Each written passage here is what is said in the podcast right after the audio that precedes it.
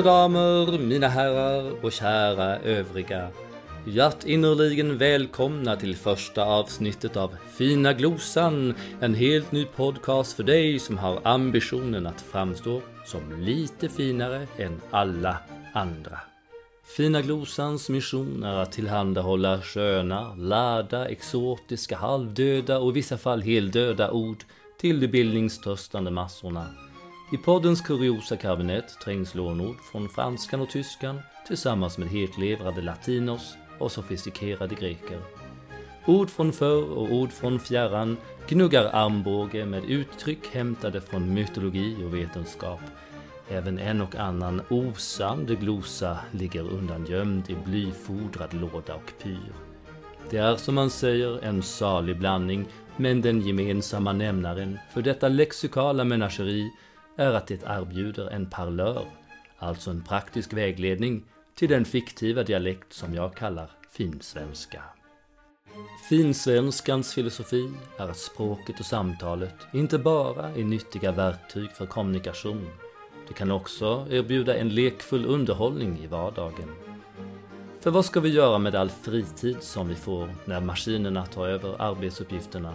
Hur ska vi spendera tiden när det inte är lika kittlande att spendera våra pengar på meningslös shopping längre? Jo, vi ska bli omständliga förstås.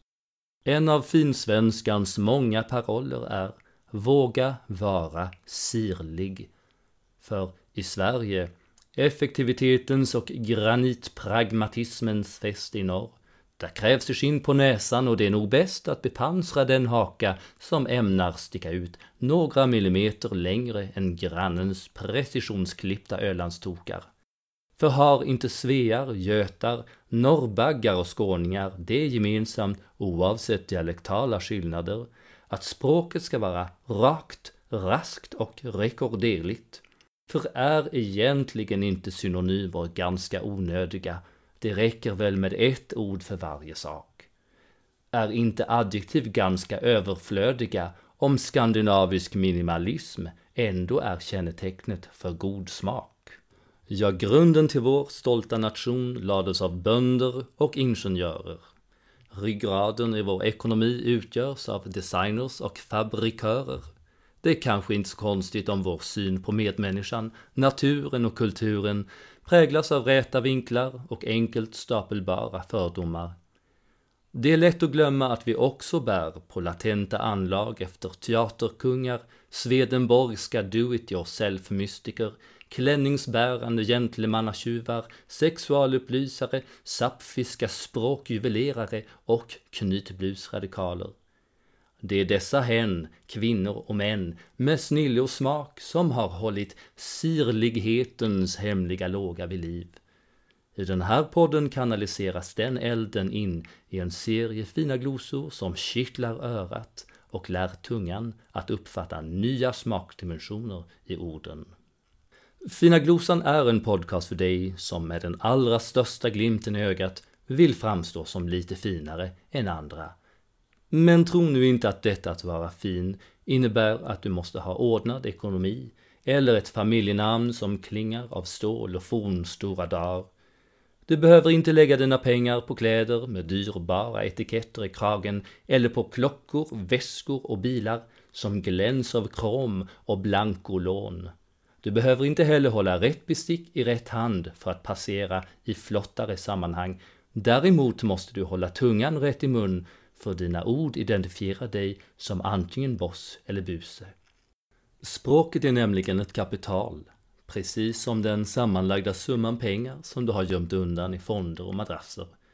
Visst, en tusenlapp tryckt i rätta näven kan öppna dörren till stängda rum, men rätt ord i rätt öra signalerar din tillhörighet i VIP-salongernas fina klubbar.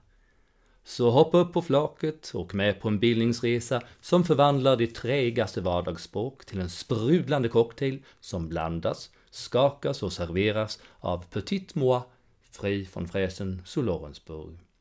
Jag som har utnämnt mig själv till reseledare på färden är konstnär, författare och förste av den sagolika mikronationen Lorensburg som breder ut sig med 11 hektar i den mellanstora staden Karlstad men det är en berättelse för en annan gång.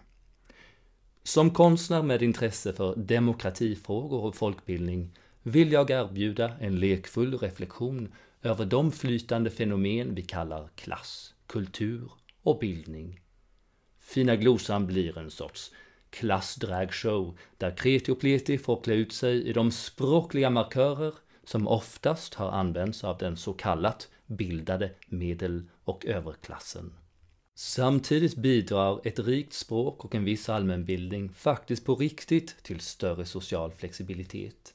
Med fler ord i verktygslådan klarar vi kanske bättre av att möta människor med en annan social eller etnisk bakgrund än vår egen.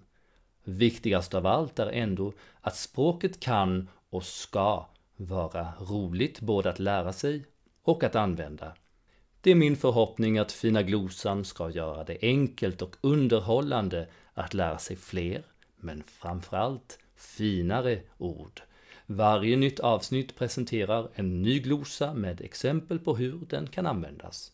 Men vad betyder egentligen ordet glosa? Var kommer det ifrån från början? Pass på, spetsa öronen, låt dina verbala smaklökar läskas. Glosa nummer ett. Glosa. Jag har det på tungan. Ja, det var visst en glosa.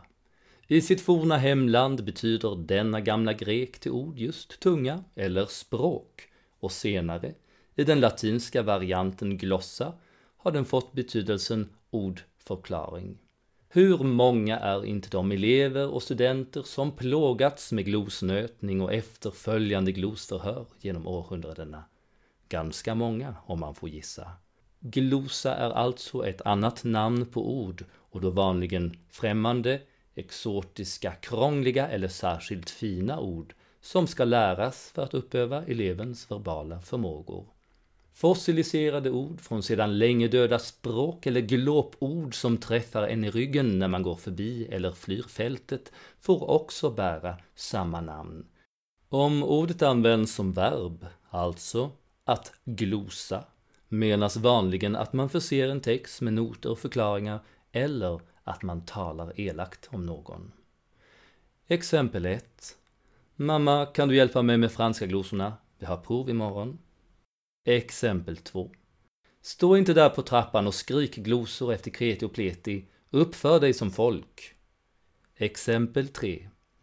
Jag orkar bara inte lyssna på Karins etterstinkande glosor om chefen. Sätter hon igång, ja då går jag på stubben. Och det, kära vänner, var väl allt för den här gången. Besök gärna www.finaglosan.se om du vill mejla, telegrafera eller skicka en brevduva med synpunkter eller frågor om innehållet. Faxen ligger på vinden så det är ingen idé att ens försöka. Tack och salut, över och ut.